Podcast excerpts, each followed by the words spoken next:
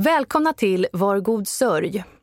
Manda och hennes gäster pratar om sorg, glädje och om hur livet ändå fortsätter. Kom ihåg att de endast är experter på sin egen sorg och förlust. Dagens avsnitt handlar om självmord. Om du har självmordstankar eller känner någon som har det, sök hjälp. Minds självmordslinjen, telefonnummer 90101. BRIS 116 111. Din egen vårdcentral. Vid akut behov, ring 112. Fler kontakter hittar du på Var God Sörjs Instagramsida under fliken Hjälp.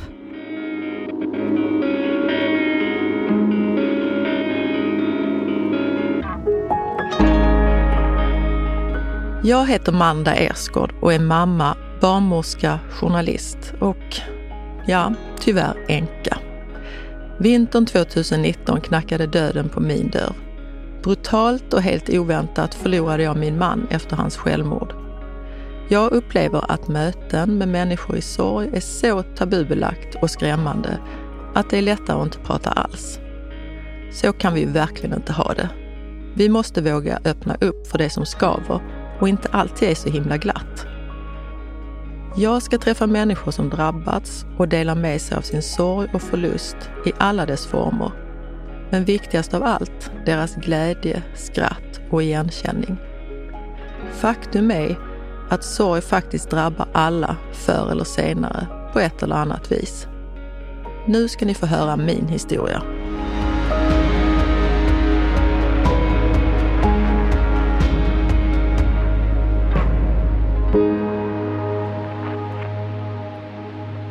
Tittade in genom fönstret och såg honom för första gången. Han satt i en soffa i chefens mötesrum. Mörkt lockigt hår, snygg och solbränd. Jag fortsatte mot kaffemaskinen, men tvärvände och knackade på chefens dörr och gick in. Jag hittade på ett ärende, det kanske var en underskrift jag ville ha, och så till att bli presenterad. Han hette Jock. Med ett leende på läpparna avlägsnade jag mig och gick ut i försommarvärmen. Det skuttade liksom till av förväntan i magen samtidigt som jag njöt av att se Mälaren. Glittrande, varm och inbjudande. En vecka hade gått sedan jag såg honom för första gången. Jag var på en högljudd schlagerfest när jag såg honom igen i vimlet av människor. Jag gick fram och hejade glatt. Han tittade frågande på mig som vi aldrig hade setts för. Vi sågs lite snabbt i förra veckan. Du hade möte med min chef, försökte jag. Eh, ja, ja, just det, sa han. Det verkade som om jag inte hade gjort lika stort avtryck i hans minne som han i mitt. Men vi fortsatte prata hela kvällen tills jag var tvungen att gå. Vi bytte telefonnummer och en stund senare sa det pling i mobilen.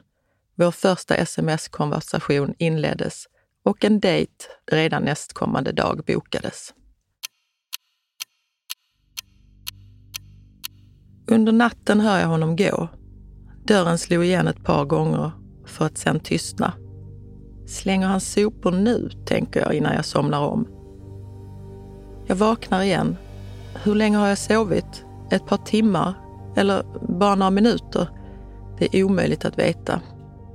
Jag går ut i vardagsrummet. Hans dator ligger i soffan. Jag går igenom rum för rum. Hjärtat slår hårdare och snabbare. Han är ingenstans. Det är något som inte stämmer. Lisa, vår lilla hund, trycker sig mot mitt ben. Hennes sorgsna ögon tittar upp på mig. Förtvivlat tittar jag ut genom fönstret igen. Det börjar ljusna. Jag ser Mälarens mörka, kalla vatten. Jag viskar med darrande röst. Var är du Jock? Det plingar till i mobilen. Det är ett meddelande från Jock. Mina händer skakar. Jag läser det flera gånger.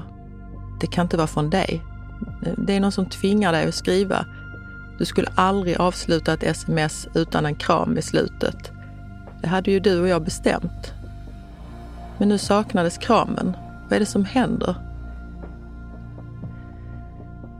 Jag messar tillbaka, ringer, messar, ringer igen, gång på gång. Inget svar. Bara tyst. Jag tar hissen ner, stiger ut på gatan och skriker Jock, var är du? Gatan ligger helt öde. Inte en människa ute. Jag känner mig helt förtvivlad, som en galen kvinna som skriker rakt ut i natten. Men min oro är obeskrivlig. Jag vet inte för vad riktigt, men det känns inte bra. Första dejten var lyckad. Jocke var vältalig, rolig, snygg och smart. Vid ett tillfälle under kvällen kände jag att nu är det nog dags för den viktigaste frågan att ställas. Vill du ha barn? frågade jag. Ja, svarade han direkt. Det här blir bra, tänkte jag. Jag hade mött pappan till mina barn. Letandet efter den rätte var över. Vi var himlastormande kära och lyckliga. Några månader in i förhållandet reste jag till Frankrike för att möta upp Jock. Han hade varit där på en arbetsresa. Det var en underbar resa med medelhav, stekande sol, kärlek och glädje. Väl hemma i Stockholm igen förstod vi att vår gemensamma resa bara hade börjat. Jag var gravid. Det ringer på dörren. Utanför står en polis. Konstigt, tänker jag. I amerikanska filmer så kommer de ju alltid i par. Det var som om den kvinnliga polisen hade hört mina tankar. Min kollega står här bredvid, säger hon. Kollegan var Peter, som jag känner sedan tidigare. Jag föll i hans armar och höll mig krampaktigt fast. Det var som om jag i min förvridna tillvaro försökte hitta balansen genom honom. Jag berättar för dem båda var vårt garage ligger och de får nycklar till vår källare. Sen försvinner de iväg. Jock, vi har tre underbara barn. Vad ska jag säga till dem när de vaknar? Jag ringer min vän Annette och hon kommer snabbt över till lägenheten. Vi försöker förtvivlat reda ut vad som kan ha hänt. Har du rest till USA och lämnat oss? I timmar väntar vi. Vi ringer och vi väntar. Till slut kontaktar vi Missing People. Vi måste få mer hjälp. Jag har panik. Han kanske är förvirrad och inte hittar hem. Jag har svårt att andas. Hela mitt inre känns tyst och tomt. Lika lyckliga och omtumlande som vi var över graviditeten, lika ledsna blev vi då jag fick ett tidigt missfall. Men jag blev snabbt gravid igen och jakten på vår första gemensamma hem drog igång. Oj vad vi letade! Visning efter visning. Det kändes som vi besökte varenda hus på Södermalm i Stockholm. På kvällarna låg vi i soffan och tittade på film. Jock grät alltid åt kärleksfilmer, tårarna rann och sen skrattade han jättehögt åt komedier. Jag lutade mig mot honom och njöt av hans känsloregister. Till slut hittade vi en lägenhet. Det var ju lite renovering att göra, men så ska det väl vara, för jag var ju faktiskt jättegravid. Varje dag efter jobbet fixade Jock i vår nya lägenhet. Jag förstår inte var han fick sin energi ifrån, men han satte alltid oss, familjen, först. Och min mage växte. I juni 2003 föddes vårt första barn. Vi kom hem med lilla Maja från BB och la henne på vår säng. Hon var så liten och fin. Fötterna var så mjuka. Vi hade aldrig träffat ett nyfött barn innan. En kompis hämtar upp yngste sonen Max. Jag väntar, vankar fram och tillbaka. Kan inte sitta still. Magen knyter sig. Jag har svårt att andas. Jag tänder ett ljus i fönstret för att Jock ska hitta hem. Söka sig till värmen och all kärlek vi har. Jag väntar på att det ska ringa på dörren och att Jock ska stå där som om ingenting hade hänt. Vårt hem känns plötsligt tomt, dystert och kallt. Vår dotter Maja ville hjälpa till. Hon sitter med i mötet med Missing People. Jag tittar på henne hon är så liten men ändå så stor. Där sitter vi runt bordet och jag hoppas så innerligt att de ska hitta honom. Han har varit borta mindre än ett dygn, men letandet startade omgående. De befarade värsta. Vad han hade på sig? Jackan är borta. Kan han ha haft shorts i den här kylan? Eh, ja, det kan han faktiskt. Det hade han ju jämt. Maja hjälper till att svara på Missing Peoples frågor. Det är som jag ser allting utifrån. Det här händer inte oss. För första gången uttalar jag orden för mig själv. Jock, har du tagit livet av dig? Jock och hans två kollegor startade ett produktionsbolag i oktober 2004. Jag var så stolt över honom. Han var fenomenal, intelligent, kreativ och supercool. Han var så glad och peppad inför allt nytt. Och det gick bra. Riktigt bra till och med. Jag var så glad för hans och kollegornas skull. Maja skolades in på förskolan och ett nytt skede i livet med hämtningar, lämningar och jobb började. Vi njöt av familjelivet. Maja fick snart ett syskon, en lillebror som föddes 2005. Vi var nu lyckliga tvåbarnsföräldrar. Jag sa upp mig och började ett nytt jobb som VD. Lillebror hängde med. Jag ammade på styrelsemöten och han, ja, han hängde på. Men det blev lite för mycket. Jock hade peppat och stöttat mig hela vägen, men efter ett år, då gick det inte längre. Jag höll på att bli utbränd och slutade jobba. Vad är det som händer? Är detta på riktigt? Dessa främmande människor som har suttit här vid mitt bord ska nu ut och leta efter min man i kylan. Det är som luften står still och vi, vi fortsätter att vänta. Vänta på vad? Plötsligt stod jag framför fönstret igen och tittade ut. Du kommer komma tillbaka, det vet jag. Hur mycket ska vi orka? Detta är olidligt smärtsamt. Jag är säker på att han ska komma hem snart. Kanske förvirrad. Han kanske har ramlat och slagit sig. Det slår mig att Jock hade stått och gjort popcorn kvällen innan. Han hade stirrat in i mikron jättelänge. Jag hade frågat honom om någonting var fel. Och han svarade att allting var okej, okay, att han bara stod och tänkte. Det var ju egentligen ingenting konstigt, men nu söker jag efter alla tecken. Vad hade han tänkt på? Plötsligt ringer det på dörren och två, ja, nu var de två, lite äldre civilklädda poliser står i dörren.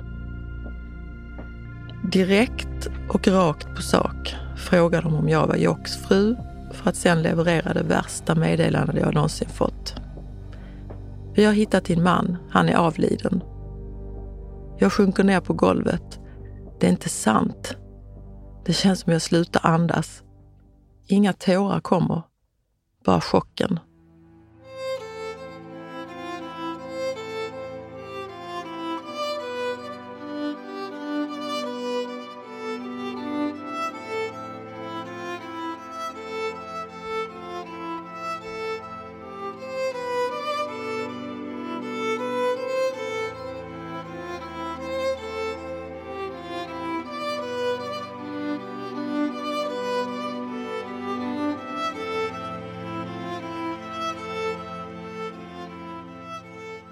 Vi väntar vårt tredje barn när Jock frågade om jag skulle vilja flytta till Hollywood.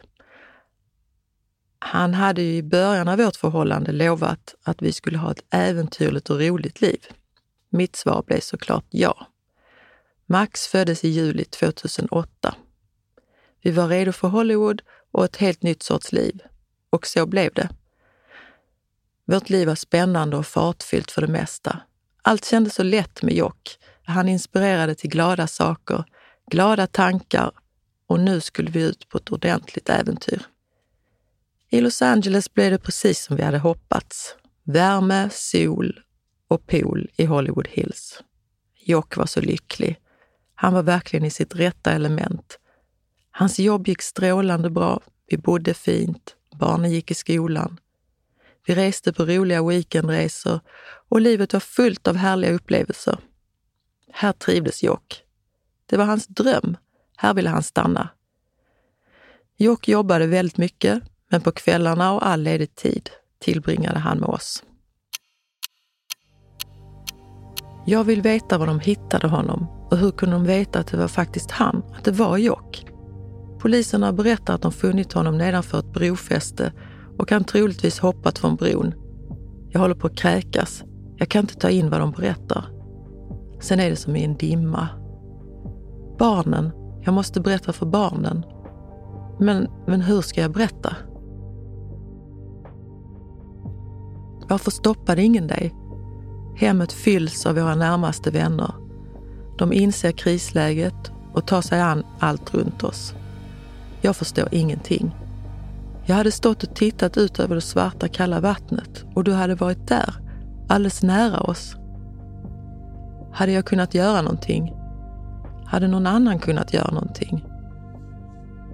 Herregud, jag klarar inte detta. Jag ska berätta för barnen.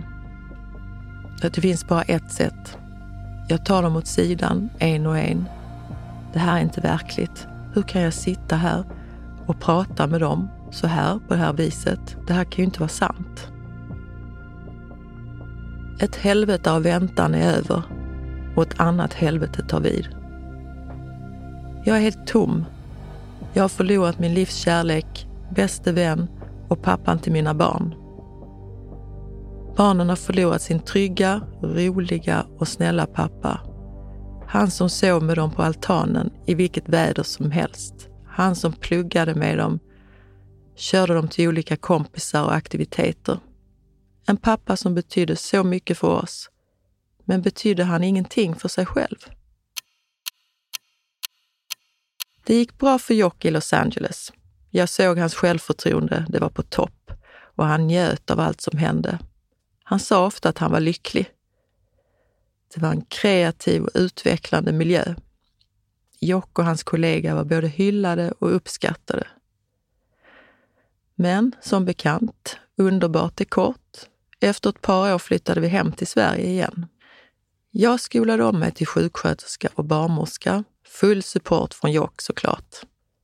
Han var väldigt bra på att uppmärksamma mig med både komplimanger och vackra blommor. Hur mycket han än hade att göra kom det buketter, oavsett om tentorna gick bra eller mindre bra. Vid födelsedagar, alla hjärtans dag eller ja, bara för att det var kanske en onsdag. Jock ville absolut inte hem. Något i honom slocknade vid hemflytten. Jag såg det i hans ögon. Ända sedan vi först träffades hade jag känt att det fanns en sida hos Jock som inte ens jag kom nära. Att det var något där längst inne som han inte ville dela med någon. Kanske var det där det smärtfyllda stoppades, långt in, i hopp om att glömmas bort. Jock sa nästan aldrig att han mådde dåligt. Jag frågade ofta, men svaret var nästan alltid att allt var bra. Jag uppfattade att Jock tappat lite av sin glöd och energi, men han klagade aldrig. Han sa, nu bor vi här, vi har varandra och jag älskar er. Så var Jock. Positiv till det mesta. En lojal kollega och en fantastisk människa. Men vår gemensamma plan fanns där hela tiden. Vi skulle tillbaka till USA. Det var det du ville och hade velat sedan du var liten. Du skulle skriva musik i Hollywood Hills och du skulle fortsätta ha glöd. Dina ögon skulle lysa av energi och vara sugen på nya härliga äventyr med oss. Som vanligt. Vad var det som hände?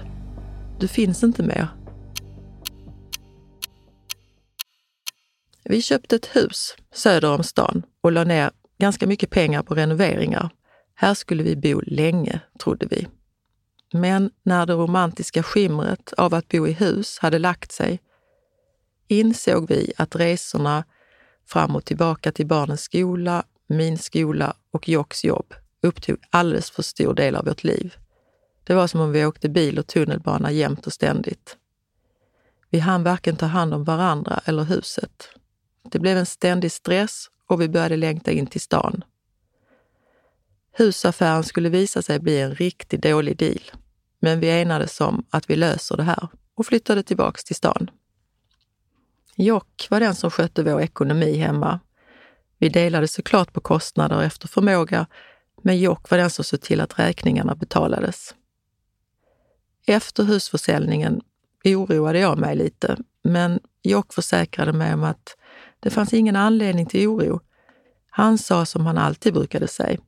Du behöver aldrig oroa dig. Det kommer nya pengar varje månad. Och varför skulle jag inte tro på det? Var det här det började? Din ensamma kamp om att få vår ekonomi att gå ihop. Snabbt spred sig den fruktansvärda nyheten om Jocks död. Ett engagemang utan sällan skådat slag drogs igång av våra vänner. Nära vänner, men även bekanta steg modigt fram och hjälpte till. Det bildades små krisgrupper och alla fann sin uppgift för att hjälpa oss med det allra mest akuta. Några tog hand om ekonomin, någon ordnade en tillfällig lägenhet, en annan pratade med svärmor. Blommorna vällde in i lägenheten. Föräldrar från barnens skolklasser startade en matkedja. Jag ville egentligen omfamna dem allihop, men jag orkade inte träffa någon. Jag bara såg allt hända som i en dimma och hörde hur glada alla lät ute i köket för att det kom så mycket god mat hela tiden.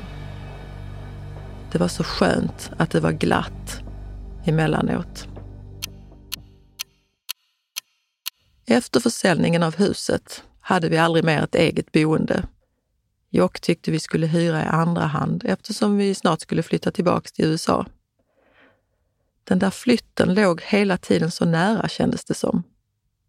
Samtidigt levde vi på som vanligt. Vi bodde i lite olika lägenheter, vi packade upp och ner. Jag hade själv flyttat mycket som liten, så det var inte så konstigt i min värld att man flyttar runt. Åren gick, studier, jobb, barn, skola, läxor, kompisar, middagar, semestrar och olika flyttar. Idén om att flytta in till stan för att få mer tid resulterade i inga pauser alls. Livet gick snabbt, för snabbt och ingen tid för återhämtning. Jag fortsatte fråga Jock om han mådde bra. Så där som man gör i ett förhållande. Kanske frågade jag lite oftare för att jag kände av den andra sidan hos Jock som jag inte riktigt förstod. Det slutade oftast med att jag fick veta att allt var jättebra och jag skulle inte oroa mig och att det var skönt att vi hittat varandra, att vi aldrig skulle skiljas. Annette, min fina underbara vän, finns hos mig från första dagen. Hon sover på min soffa, lyssnar, gråter med mig, lagar te. Vi dricker mängder av te. Jag undrar var hon hittar kraft egentligen. Hon sitter med sin dator i soffan. Samma soffa som Jock alltid satt i efter jobbet där han satt djupt försjunken med lurarna på. Ibland gjorde det mig så irriterad att han inte hörde oss andra i familjen när vi ropade. Var det då han funderade över saker som han inte delade med mig? Stängde han in, eller kanske av, sin oro?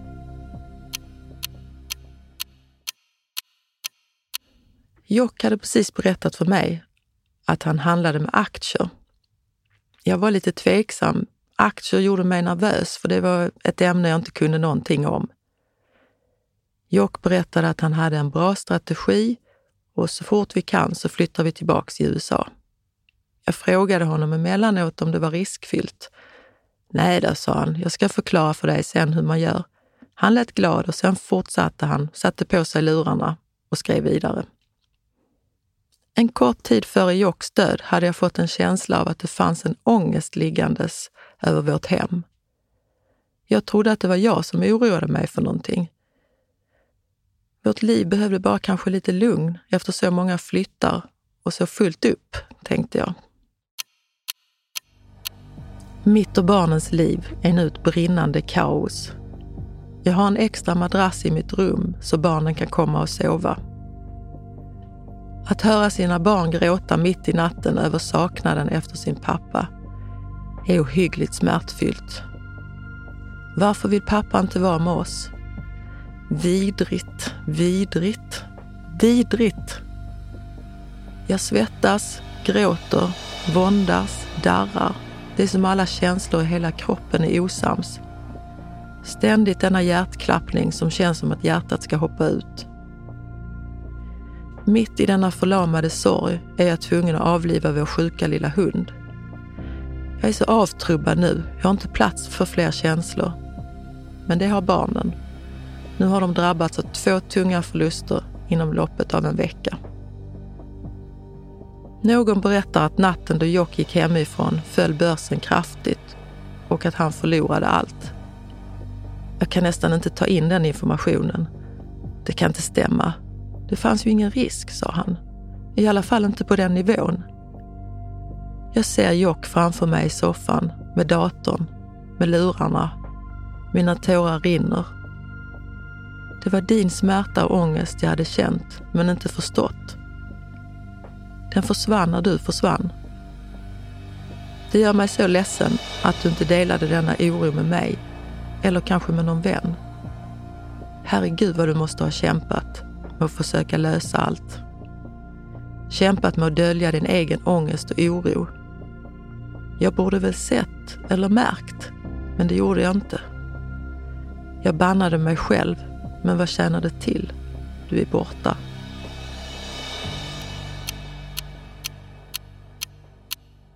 Några vänner gick igenom vår ekonomi. Alla oroade sig över att jag stod ensam kvar med skulder. Ingen visste. Jag hörde ord som efterlevandeskydd, gifta, försäkringar, banklån. Jag var utom mig av sorg, saknad och oro. Hur mycket mer ska man ta in? Jag ville bara skrika, skrika rakt ut. Osäkerheten över vår ekonomi, vårt boende och barnens mående kvävde mig nästan. Jag var rädd, livrädd för allt. Trots all ovärderlig hjälp var det ingen som kunde lindra vår totala smärta. Det var ingen som kunde känna det jag och barnen kände.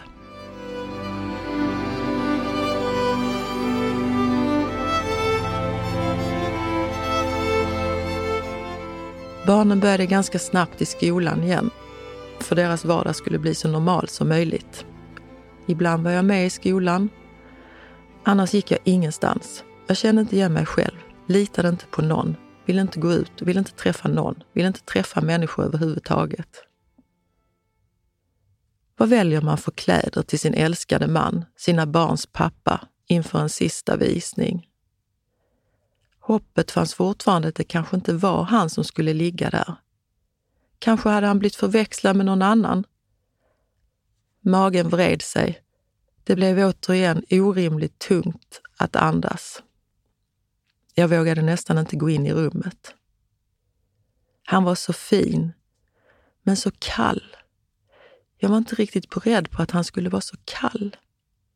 Hans ben var alldeles iskalla han såg ut nästan som vanligt. Nästan. Vi skulle ju vara tillsammans för evigt. Varför? Barnen följde med mig en och en och sa farväl till sin pappa. Vad tänker man som barn? Jag vet ju att han älskar dem över allt annat, men vad tror man när man är ett barn? När jag kom ut igen var känslan att ännu ett uppdrag var utfört.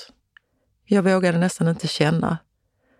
Detta var ännu en sak som bara måste göras. Känslorna fanns där, men ändå inte. Jag var som förlamad och Jock, han var borta. Snart laddade jag för nästa känslomässiga katastrofläge. Begravningen. Jag var så nervös.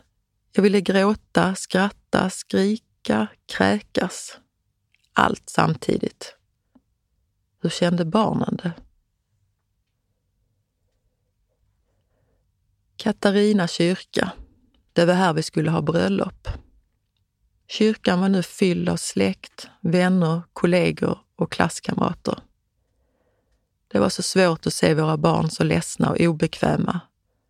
Där satt de, längst fram, med allas blickar på sig, mitt bland så många nära vänner, men ändå så ensamma. Ingen, absolut ingen, vill sitta på den främsta raden under en begravning. I tårar ser jag kistan bäras ut av Jocks vänner. Jag hör Majas spellista som fyllde kyrkan med musik och jag ser alla människor som var där. Tänk om du visste hur uppskattad du var. Ganska snart efter begravningen var det dags att flytta till ett tillfälligt boende. Hur länge vi kunde bo där, det var oklart. Mina vänner hjälpte mig att slänga saker och flytta. När vi väl landat i lägenheten var vi alla fyra helt slut. Nu behövde vi vara ensamma ett tag.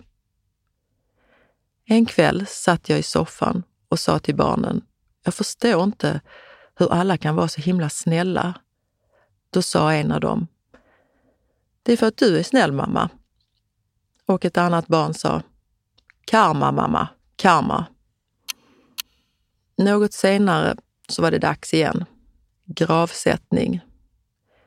Med mina absolut sista krafter gick jag iväg till kyrkan. Jag fick två val. En blå sammetspåse eller en vit tygpåse.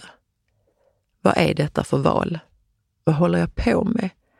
Välja en påse till Jocks aska? Det blev den blå sammetspåsen. Detta går inte. Det gick inte att förbereda eller ladda om för detta. Det gick veckor. Jag visste inte hur eller om, eller skulle vi orka detta? Skulle barnen orka detta? Till slut gjorde vi det och sammetspåsen åkte ner i ett hål. Det enda jag kunde tänka på var, du är inte där. Du är någon annanstans. Du finns i våra hjärtan, men inte i det där hålet.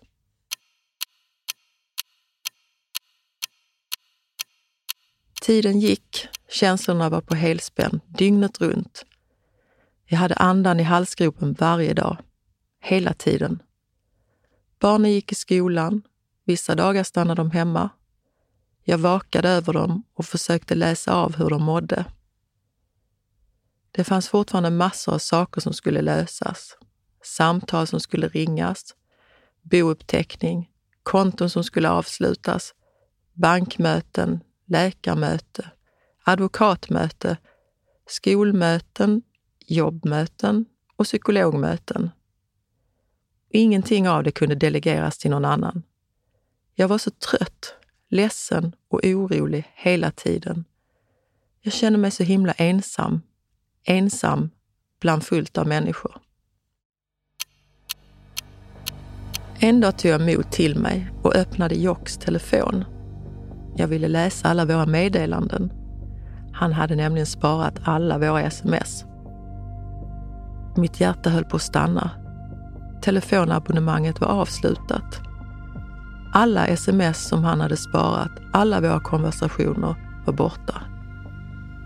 Jag blev så enormt ledsen och förtvivlad. Det kändes som han rycktes bort en gång till. På kvällarna låg jag i sängen och lyssnade om något av barnen grät. Varje morgon vaknade jag vid exakt samma tid som Jock hade försvunnit. Varje gång kände jag ångest och en overklighetskänsla. Jag tänkte ofta på hur Jock kunde tro att vårt liv skulle bli bättre utan honom. Två år efter Jocks död var det dags att flytta igen. Men denna gången hade vi ingenstans att bo. Oron varvades upp igen, men jag tog sats och skickade brev till precis alla och skrev att jag sökte en lägenhet till mig och barnen. Vi hade en enorm tur. Till slut fick vi en hyreslägenhet. Märkligt nog väldigt nära Jocks gravplats. Vi blev så obeskrivligt lyckliga. Äntligen en egen lägenhet. Nu kunde vårt liv fortsätta. Ett annorlunda liv än vad vi hade önskat oss, men en fortsättning. Under lång tid fanns det inget utrymme att bearbeta min egen sorg. Barnens sorg, vännernas sorg, släktingars sorg. Alla hade sorg som skulle tas om hand, uppmärksammas och ibland till och med värja sig emot. Det var dessutom fortfarande oerhört mycket praktiskt som skulle lösas. Jag kämpade bara på. Kämpade mot en ständig oro och rädsla för allt. Jag var rädd för att människor skulle försvinna runt mig och barnen. Och sanningen är att människor försvinner. Att det blir tyst och tomt efter ett tag. Det var tufft när jag såg att barnen blev ledsna och besvikna om ett möte eller middag avbokades. Eller frågade varför vissa människor inte syntes till längre. Jag kollade mitt bankkonto flera gånger om dagen, rädd för att det skulle lysa tomt varje gång. Jag hade rädsla över mitt boende. Jag litade inte på någon, för den jag litade mest på fanns inte mer. Också denna ständiga oro över barnen. Jag har sörjt mer och mer efterhand, men också stängt av mycket. Tills nu, när jag förberett mig inför detta program. Nu är det som alla faser i sorgarbetet börjat om. Magen knyter sig, tårar som jag trodde var slut forsar. Skuld, saknad, oro, ledsamhet, ångest. Till och med ilska. Men inte mot Jock, bara åt situationen. Att Jock inte berättade om sitt mående orsakade mycket smärta i honom själv, men även hos oss som är kvar. Idag vet jag att vi hade kunnat reda ut de ekonomiska problemen. De var inte olösliga. Varför Jock inte orkade leva mer får vi aldrig svar på. Jag vill tacka familj, släkt, vänner och kollegor. Jag är för evigt tacksam för alla ni som fanns där för mig och barnen i den absolut värsta tiden i vårt liv. Mina barn har fått se hur mycket empati, givmildhet och kraft det finns hos människor. Vikten av att hjälpas åt när världen rasar ihop. Jag är så tacksam att jag har barnen och jag blir glad när ni frågar om mina barn. Prata om Jock med oss, då blir vi glada. Lite funderingar som jag haft under åren som jag vill dela med er. Skratta med den som är ledsen. Humorn försvinner ju inte bara för att man är ledsen. Tvärtom. Skratt är överlevnad för de flesta. Var inte rädd för människor som är ledsna eller förtvivlade. Gå inte över gatan. Ett hej räcker, eller en nick, eller bara en liten kram. Fråga inte vad du kan göra, bara gör. Det kan inte bli fel. Raka rör, Gå dit med en lasagne, ställ den vid dörren. Äter de den så äter de den, eller så ger de den till någon annan. Ett litet sms eller samtal som bekräftar att du finns. Svara inte personen. Fortsätt ringa istället för att be dem ringa. Har du varit med från början och haft inblick i en familjs sorg, den första kritiska tiden, försvinn inte sen. Våga stanna. Och till dig som är drabbad av förlust vill jag säga, våga vara i din sorg. Var ledsen, arg eller glad eller hur du nu känner. Det kommer gå upp och ner. Låt det göra det. Skratta mycket, ta chanserna. Och när du är redo, ta hjälp. Människor vill hjälpa till. Som idag till exempel, när jag sitter här och pratar med er. Då sitter min kompis Helle utanför som mitt fina stöd.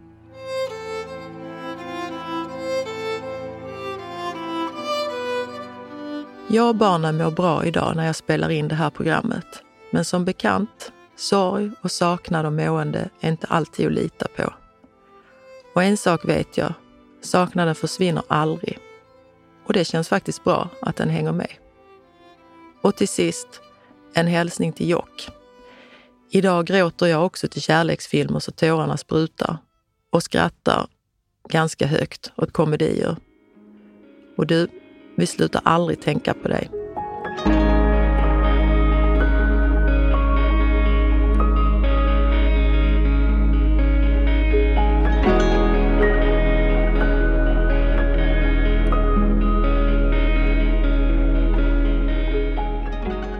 Var god sörj görs av Manda Ersgård och Stray Dog Studios.